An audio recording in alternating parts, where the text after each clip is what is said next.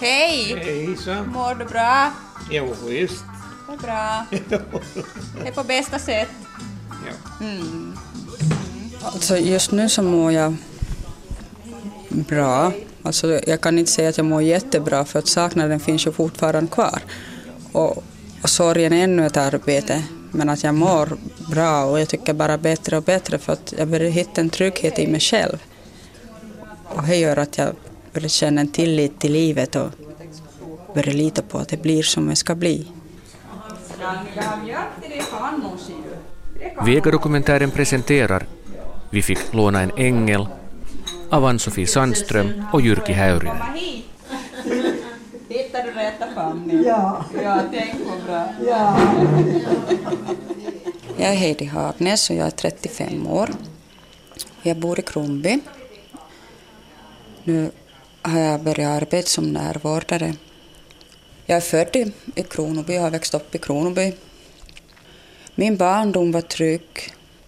Och jag minns att jag, mina föräldrar läste mycket sagor och vi lekte mycket. Hela omgivningen tyckte jag var trygg. Mina drömmar när jag var barn så var att få en familj att ta hand om. Och jag hade hela tiden under barndom så hade jag... Jag tyckte om att hjälpa och på ett eller annat sätt så ville jag hjälpa och sköta folk. Och, och under min tonårstid så blev jag otryggare mig själv som tonåring. Jag började söka min plats i livet och jag tyckte inte riktigt att jag hittade min plats i livet. Och jag for och utbildade mig som det här i handelsskolan. Men under hela studietiden så tyckte jag det var inte, det var inte min, min sak som jag skulle göra. Men jag fortsatte ändå och gjorde det klar. Och min man träffade jag 94 och direkt jag såg honom så ja, det var nog kärlek vid första ögonkastet för mig. För honom vet jag inte riktigt hur det var, men för mig var det kärlek vid första ögonkastet. Vårt äktenskap har varit turbulent som är för de flesta. Att det finns bättre dagar och sämre dagar. Vi hade varit tillsammans länge innan vi gifte oss. Och det här. Men här hade bara lämnat och lämnat. Vi, vi blev aldrig att vi skulle gifta oss. Men, och jag hade länge frågat min man om vi skulle kunna ta och gifta oss. Men han sa nej, inte, inte ännu, inte ännu. Så en kväll så frågade han mig att ska, ni, ska vi ta och gifta oss? Att om, vi kan, om du går med på att vi går till stadskansli och gifter oss. Och jag sa jo, jag var ja med samma att äh, vi gifter oss nu. Och, det, och efter vigseln så fick jag en liten trygghet i mig. Men inte hade jag samma trygghet som jag har nu då ännu. Men jag fick en större trygghet i mig med äktenskapet. Jag känner mig tryggare med att vara gift än att bara bo tillsammans ifall...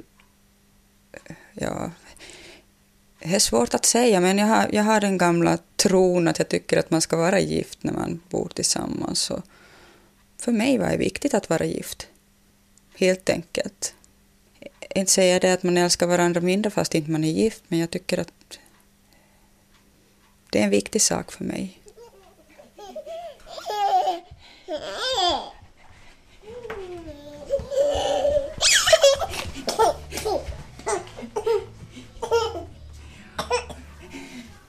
Jag var 24 år när vi fick Dennis. När Dennis kom så var det en jättestor sak. Att jag kände att jag, jag hade klarat av att bli mamma, jag hade klarat av att föda honom. Och det var, det var en mäktig känsla, minns jag. Och det kändes tryggt att ha honom i famnen och jag kände direkt att det här att jag vill ha flera barn kände jag direkt efteråt. Och det var, det var jättestort att få honom.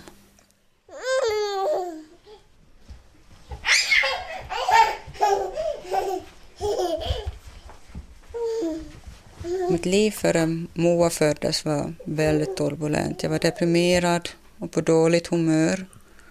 Och äktenskapet var allmänt ansträngt. Vi var på väg att glida ifrån varandra.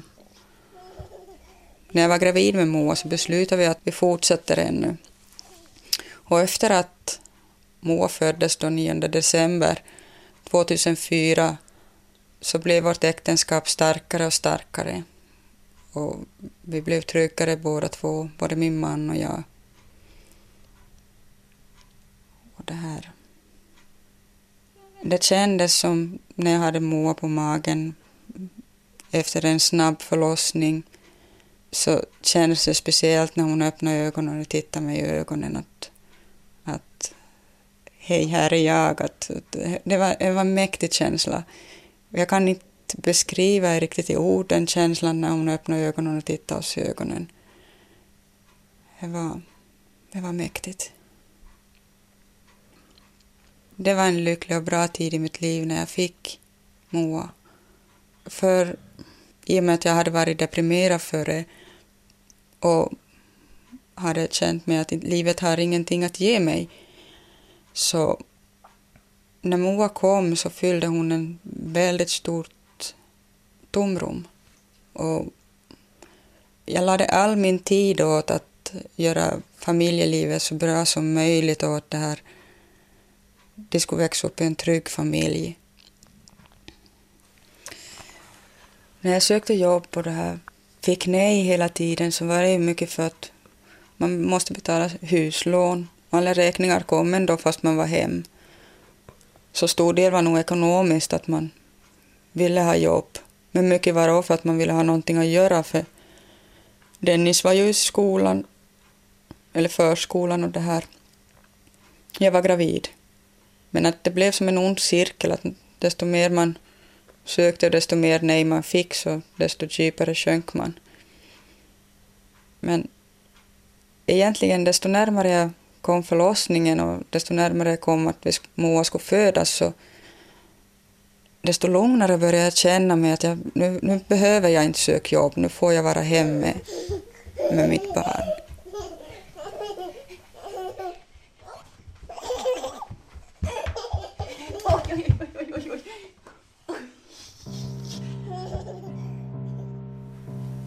Den hemskaste dagen i mitt liv så, som jag har upplevt så det var ju 2006, den 28 september.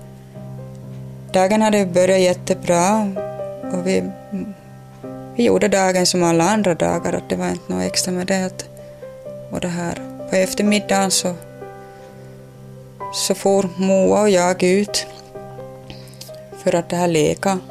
Och jag tänkte att nu ska jag göra något litet samtidigt som hon leker vid lekstugan. Och när vi kom ut så tänkte jag med samma att det här, när det är mycket vatten på den här presenningen som är på sandlådan, det måste jag tömma bort. Så jag for och tog bort det där vattnet och det hade regnat mycket de där dagarna före. Och Moa började leka i sandlådan och hon for in i lekstugan och, och jag plockade lite ved där fast i, var bara några meter ifrån henne. Och jag såg på henne nu som då. Och det sista jag såg av henne så var att hon for in i lekstugan. Och jag sa till henne att jag, mamma kommer snart. Du kan koka kaffe åt mamma.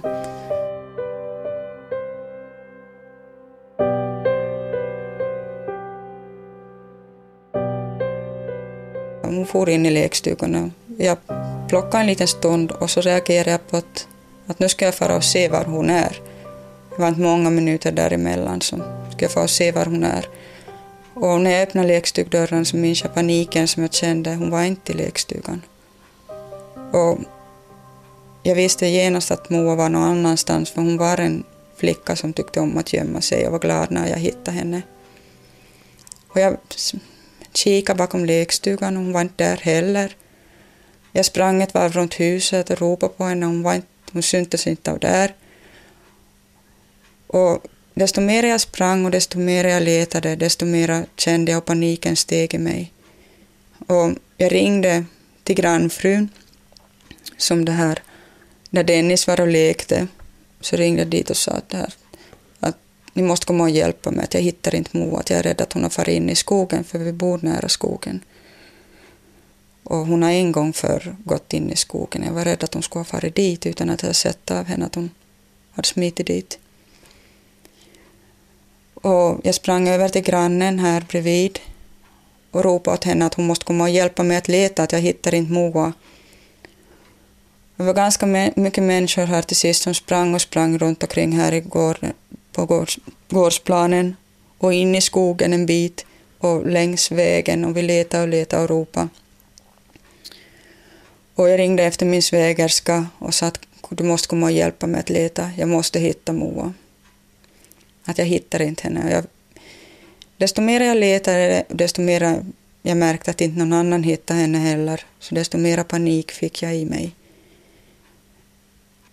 Det hemskaste var nog panikkänslan att inte hitta henne. Och det började bli mera skymt. Och grannfrun som mötte mig här på gården som när vi letade och så sa jag åt henne att vi måste snart ringa 112, att vi måste få hjälp att leta efter henne före det blir mörkt. Och där vi stod då så stod vi fast vid Moa men vi såg inte henne. Jag sa jag springer en gång in i skogen ännu. Hittar inte jag henne på det så ringer vi. Och det här, när jag sprang in i skogen där då så så knäppte jag mina händer och så ropade jag högt, gode Gud, du måste hjälpa mig, jag måste hitta henne. Jag måste hitta Moa nu. Och när jag kom på gårdsplanen tillbaka så, så hörde jag att jag vet inte varifrån det kom, om det kom i mina tankar eller var det kom. För samtidigt som jag hörde så ser jag soven. En grön bastusov som vi hade till att samla löv i och som hade stått, vi brukar ha den att stå upp och ner så att inte ska samlas vatten, men nu hade det stått andra vägen och var regnvatten som hade regnat dagarna innan. Så ser jag den där soven och när jag går fram, eller springer fram dit så vet jag att hon är där. Och den synen jag har hur hon ligger i soven, den var hemsk. Att hon låg i en onaturlig ställning, våt och kall. Och jag lyfter upp henne och jag skriker.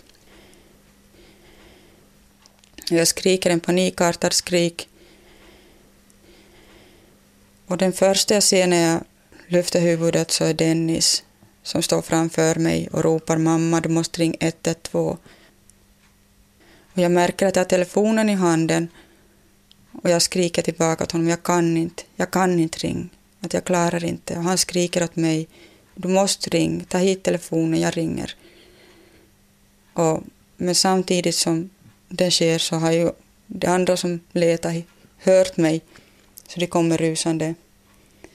Och grannfrun tar Dennis ifrån och det här. Hon ringer 112. Men jag hade redan då börjat återupplivning av Moa. Och jag såg hela tiden när jag återupplivade så, så såg jag på henne att hon får färg, hon får färg i ansiktet. Och jag tänkte att hon får färg, det går nog, det här går nog. Fast jag visste att hon hade ingen puls. Men jag tänkte bara hon får färg, att det måste ju funka, det måste gå. Och evigheterna innan den här första beredskapsbemanningen är här så alltså det räckte inte länge men det kändes som en evighet. Och allting får ju som så långsamt när det hände. Egentligen när allting hände så kändes det som det var en hel dag. Men det var bara färdigt på några minuter.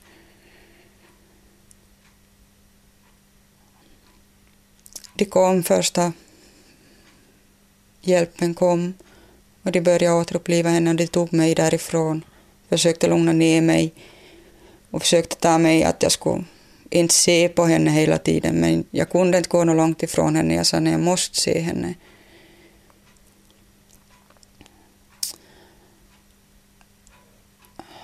Jag var i väldigt chock då. Det var, det var inte något lätt. De försökte fråga mig om de ska ringa min man. Min man var i parkerna då sist och jag pratade med honom då en liten stund före vi for ut. Han körde långtradare jag var rädd att han skulle köra dike eller köra ihjäl någon om han fick veta det på telefon. Så jag sa att dem, jag vet inte men ni får inte ringa åt honom att ni måste vänta tills han kommer närmare. Och det här, de frågade om de ska ringa till krisgruppen. Jag tänkte en krisgrupp, att inte behöver jag någon krisgrupp. Att, eh, att inte får det här vara så dåligt att det behövs någon krisgrupp. Men de ringde ändå. Fast jag svarade lite så de, de, de förstod att jag var i chock. Och de ringde efter mina föräldrar så de kom hit och stöttade mig när vi for in till sjukhuset. För min man kom rakt till sjukhuset för han hann inte hem. Och hela vägen i bilen så sa jag till mamma att, det här, att jag klarar inte av det här. Jag, det, här det här går inte. Jag, jag dör jag nu. Jag, det här går inte. Jag ger upp. Det fanns inte som tankarna på att jag har Dennis nu. Och allt annat runt omkring mig. Men när vi kom in till sjukhuset så såg vi ett rum bredvid att de höll på med Moa, försöker återuppliva henne hela tiden. Och de lade oss in i ett annat rum och en sjuksköterska kom och sa att de, de försöker ännu återuppliva henne och helikoptern är på väg. Och när de sa det så kände vi hopp. Vi kände ännu hopp, att så länge det håller på så finns det hopp. Men sen när jag ser att läkaren kommer in och säger att, att, att det gick inte, att hon är död. Det var en konstig känsla. Det var en ofattbar känsla. Det var egentligen som att jag, jag klev in i en bubbla då. Allt annat som snurrar runt omkring mig och jag tyckt att det kan ju inte vara sant, att jag måste drömma det här, det kan inte vara sant. Att det, det kändes helt otroligt att, att ena stunden så har man ett friskt barn som leker och är glad och andra stunden så har man ett dött barn i sina armar. Som ser frisk ut. Som inte syns att det har hänt något.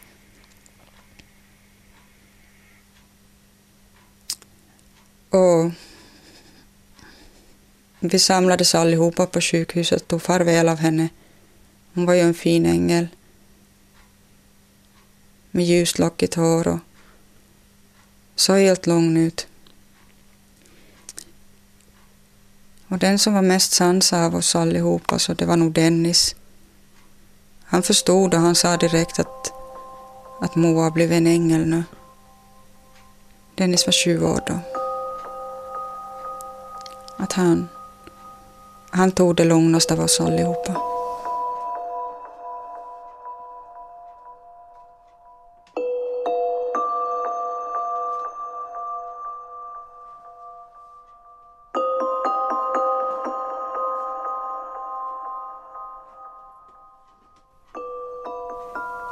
Först efteråt, när allting hände, så var det ju... Alltså, det var ju ilska och jag, var ju, jag ifrågasatte varför for vi ut och varför, varför satt jag inte bara och tittade på henne, varför gjorde jag si och varför gjorde jag så. Att jag anklagade mig själv först, varför satt jag inte bara och såg på henne och varför, varför, varför jobbade jag på med den där världen fast jag kikade på henne bara med några minuters mellanrum men ändå så anklagade jag mig själv. Och ilskan så fick jag utlopp för att jag for ut i skogen och jag hade min hund då, en stor hund som jag var ute och gå med. Och vi for mycket ut i skogen. Och när jag for ut dit i skogen ensam så skrek jag. Jag skrek ut min ilska. Allt vad jag orkade så skrek jag. Ibland blev jag helt slut. Eh, det tog moster nu men att efteråt så kändes det bättre att jag hade skrikit ut min ilska. För jag var arg. Jag var arg på hela situationen. Var, varför, varför fick jag inte ha henne hos mig? Varför måste hon dö? Men nu känner jag mig inte arg längre. En känsla som jag minns av att som jag hade så, jag vet som tomheten. Jag kände mig så tom så att jag tyckte att armarna värkte för, för att jag fick inte ha henne i mina armar. Och, och det var faktiskt så att hela kroppen värkte av sorg första tiden. Och hela första tiden så gick det bara som i olika frågeställningar. Man, man grät och man var... Kan säga att de första månaderna nästan som en dimma.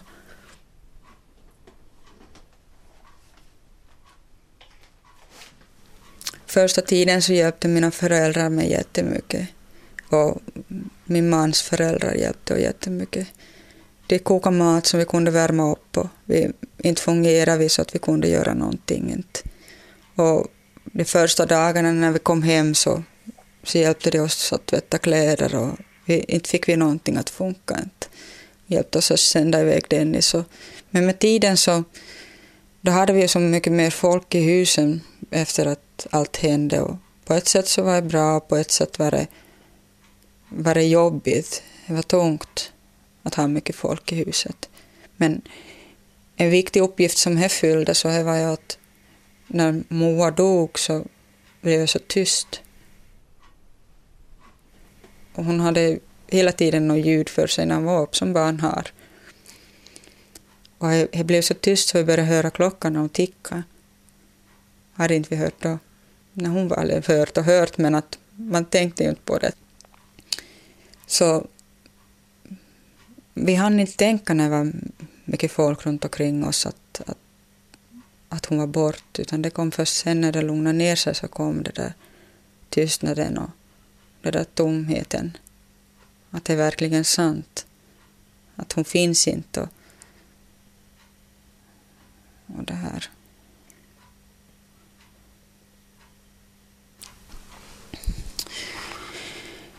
När man förlorar barn så är det fel väg att ett barn ska aldrig dö före en själv. När man är förälder så tänker man ju, men, men så är det inte. Vi hade hela tiden, Ove och jag, vi tillät varandra att sörja på vårt eget sätt. Vi var inte, var inte arga eller ledsen om någon annan var på bättre humör eller andra vägen utan vi tillät varandra att vara där vi var. Och vi pratade mycket om Moa, vi pratade ännu om Moa. Och vi minns, minns, henne, minns hennes ljusa stunder, det är inte bara den där mörka dagen som är fram heller, utan det är många ljusa stunder som vi hade med Moa. Och det som vi försöker plocka fram mer och mer. Och som man kan som skratta åt det, för att som Moa gjorde många gånger och som jag skrattat många gånger nu efteråt. Så att där, hon hjälpte mig, hon försökte hjälpa mig med att tvätta kläder så hade hon tagit smutsiga kläder i bykorgen och så tvättade hon dem i golvbrunnen i tvättstugan. Och, och det var ju inte så härligt, men hon var lycklig. det, det minnet kan jag sitta och skratta åt ännu. Och tycka att vilken god människa hon var. som ville hjälpa mig. Hon, hon tyckte om att pyssla. Så. Vilket år gifte du dig? På... Du ska inte fråga så de svåra frågor. Vad är svårare det ja. Med. Jag brukar inte säga något. Nej. Jag, no, no, Nej men jag tänkte om du minns hur gammal du var då du gifte dig? Var det 20? Ja, ja. Ja, det var du. Ja. Har du fått några garn så du har fått stick nu? Är mina bröder. Hör du? Jag hör inte. Om du har fått några garn, har du fått stick nu? Hör inte du? Nej. På lokal, för det var så. Några Nej, just det, vi brukar nog äta ganska mycket fnittegröt. Ja, vi ska skratta roligt. Att jag kom ut till jobbet så det, det var liksom lite som en terapi för mig också. Att, att jag märkte att det här patienterna gav mig vad jag behövde. För att på något sätt så tror jag att jag gav signalerna åt patienterna vad jag behövde. Så när jag behövde en kram så fick jag alltid en kram. Och när jag behövde ett vänligt ord så fick jag ett vänligt ord. På samma sätt som jag gav åt dem alltid vänliga ord och kramar. Men här, det kändes, och det känns än idag, så känns det väldigt bra. Och jag minns så väl det här årets dödsdag som alltid är en jobbig dag att gå igenom för varje dödsdag, just den här minnesdagen den 28 september, så varje gång man går igenom dagen så tänker jag som vad gjorde vi då? Nu gjorde vi det och nu hände. Och den här dagen så var jag i jobbet första gången. Jag har varit ledig alla andra dagar. Och vi hade en patient som... Vi började redan på morgonen och vi skrattade och vi skrattade så vi vek oss dubbelt. Och tårarna rann på oss båda två. Och efteråt så kände jag när... Samtidigt som jag skrattade så grät jag. Både av sorg och av glädje. Och jag är så tacksam över den där känslan det var som så mäktig en känsla. Det var både och men samtidigt så var det inte så jobbigt. Tiden har ju ändå sorgen att det här saknaden är lika stor än men att det här sorgen har jag som ändrat på det sättet att, att jag kan som, kan som skratta och ändå känna glädje utan att ha skuldkänslor för att jag är glad. För att jag vet, jag vet att Moa vill att vi ska vara glada. För Moa var en glad person. Och jag vet att hon är med och hon vill att människor ska skratta och vara glada. Det, det är bara bra bara vi säger lite så det är någon gång emellanåt. Det blir nästa Så får all skratt. Jo. Och ett skratt förlänger livet.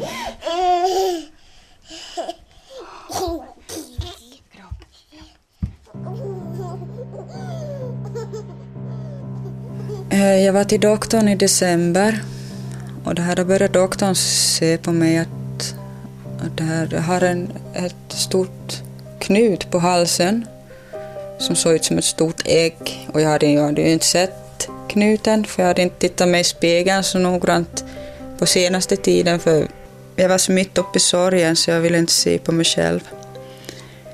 Så sa han att det här måste vi kolla upp. Att din strupe börjar som bli mindre. Att du måste kolla upp det här att det är någonting med sköldkörteln. Du måste kolla upp det. Egentligen när han sa det där att du måste vara på biopsi och ultraljud, att du måste kolla upp det, så kände jag ingenting till först. Jag tyckte nej, att, att vad, vad är det här nu? Att, men jag far i alla fall. Jag kände lite sådär, på ett sätt ilska, att måste komma någonting mer.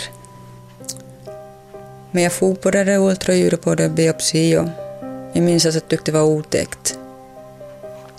Och bara en knapp vecka efteråt så ringde han och sa att det är elakartad cancer i sköldkörteln som behöver opereras bort.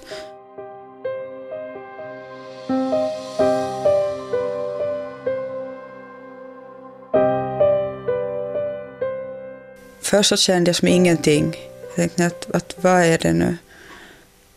Att okej, okay, jag ska till sjukhus, jag ska opereras. Men sen efter en tid så sjönk jag in att, att måste jag som ännu drabbas av cancer? Att det räcker inte med att man mister sin dotter. Jag blev opererad i februari. Hela sköldkörteln togs bort. Och i juni 2007 så fick jag den här radiojodbehandlingen, den starkaste dosen. Jag var isolerad fyra dygn. Ja, det.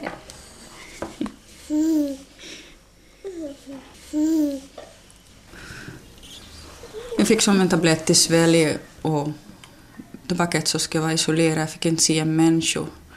Som en människa kom inte in i rummet på fyra dagar. Här hade jag mest rädsla för att vara isolerad i ett rum, att hur ska jag klara av det, att vara ifrån omgivningen, vara ismed. Men jag förberedde mig för och tänkte jag ska, det här ska jag igenom bara och det här ska jag göra något bra av, att jag ska, jag ska tillåta de känslorna att komma som kommer. Och det, först jag fick han inte blätten och svalden så fick jag ju inte titta någonting på några timmar. Och det, jag tyckte det kändes konstigt att bara av ett piller som var stort som en burana så var det så det farligt att inte någon skulle komma in. Men det... Jag tror att jag fick maten som min tjej var så jättegod. Jag var så jättegod i maten som jag fick för jag var jättehungrig.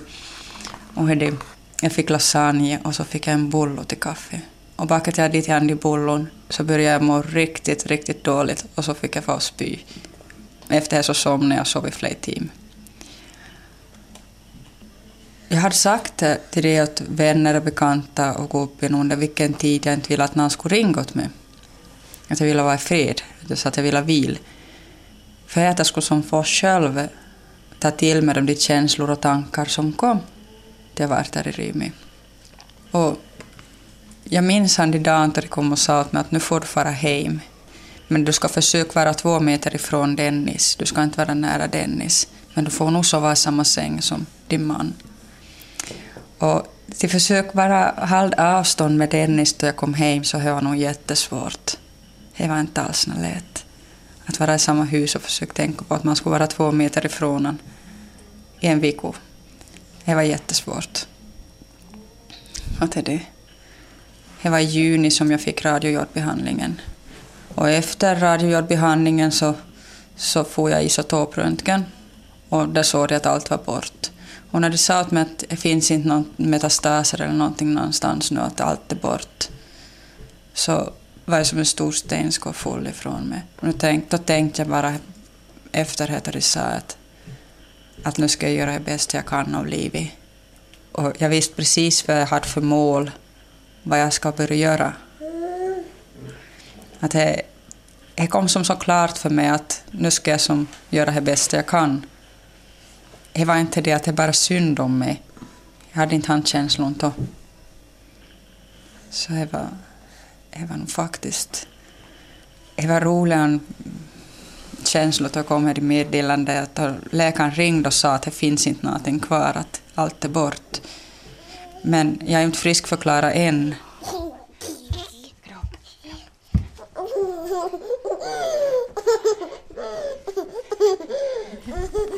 I vilket skick var du medan du... Jag var väldigt trött. Jag var, jag var helt kraftlös efter operation för att jag hade ju inte någon... Jag var helt utan sköldkörtel, de opererade bort hela sköldkörteln så min tyroxinnivå for i botten. Så det var jobbigt att gå på WC, det var jobbigt att gå några långsträckor. Jag, jag var riktigt trött.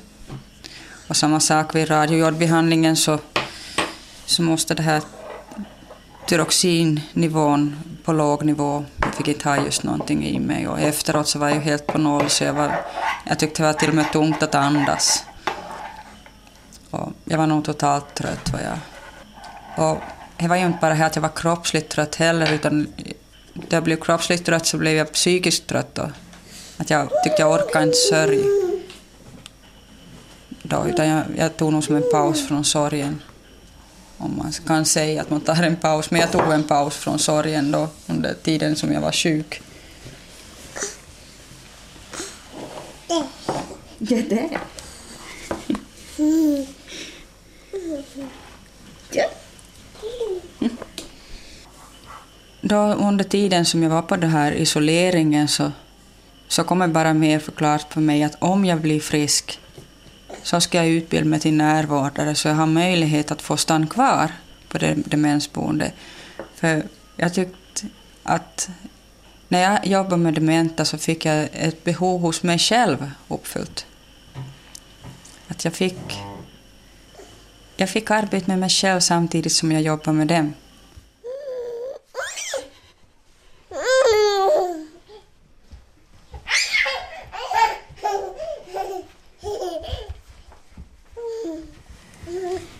Jag var jätterädd att bli gravid men vi hade hela tiden, var strax efter att det hade hänt, så sa min man och jag till varann, vi kan inte lämna så här, vi kan inte lämna Dennis ensam utan ett syskon.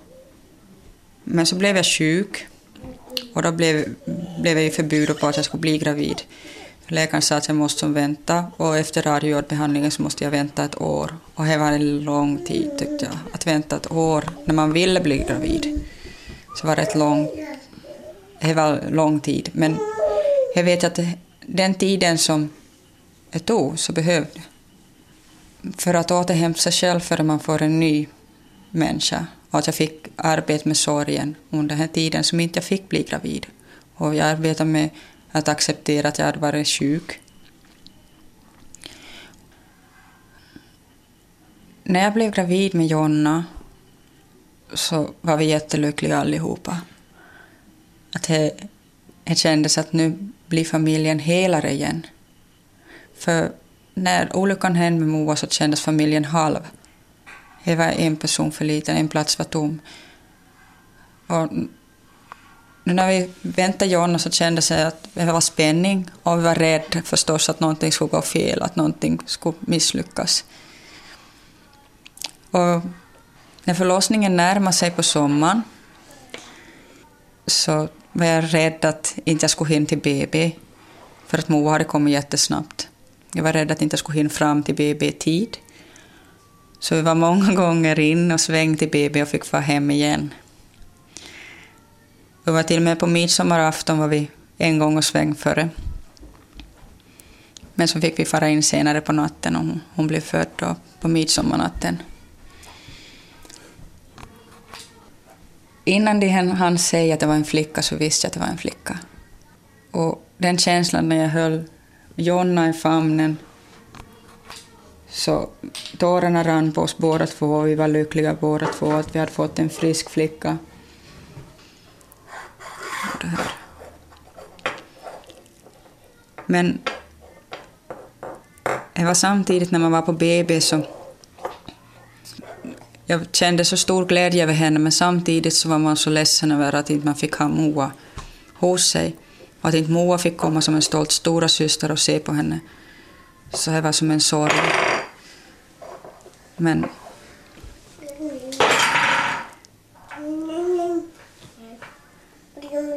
ändå så tog den där glädjen över att man fick ha Jonna och att hon var frisk och att hon mådde bra. Det tog, tog över sorgen. Att den blev starkare än vad sorgen var. Vill ni ha mera kaffe? Nej tack, jag är nog så jag spricker. Är du mätt så du spricker? Hur ska vi få någon mat att rymmas i magen sen? Ska vi få mat ännu en gång? Vill ni få mat tre gånger? Ja, är inte till undras på mitt eller mat, men det är mellanmål emellan och så är det så. Sist är det då nattmaten. Det får ju inte vara utan mat över 12, 11 timmar och mer.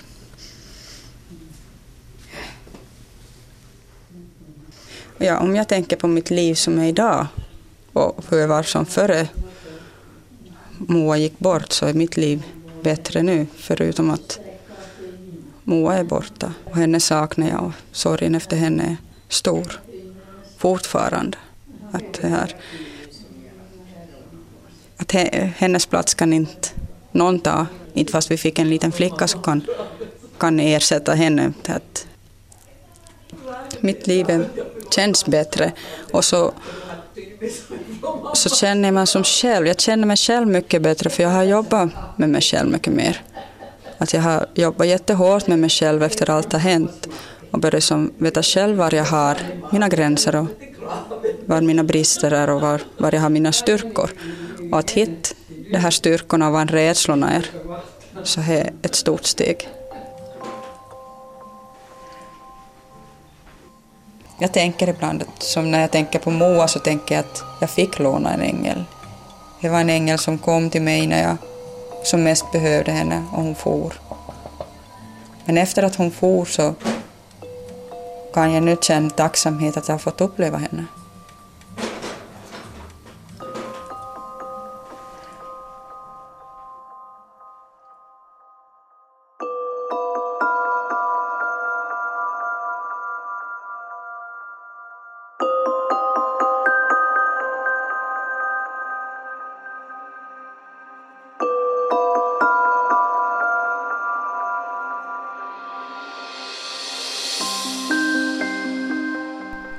Du hörde Heidi Hagnäs från Kronoby i Vega-dokumentären Vi fick låna en ängel.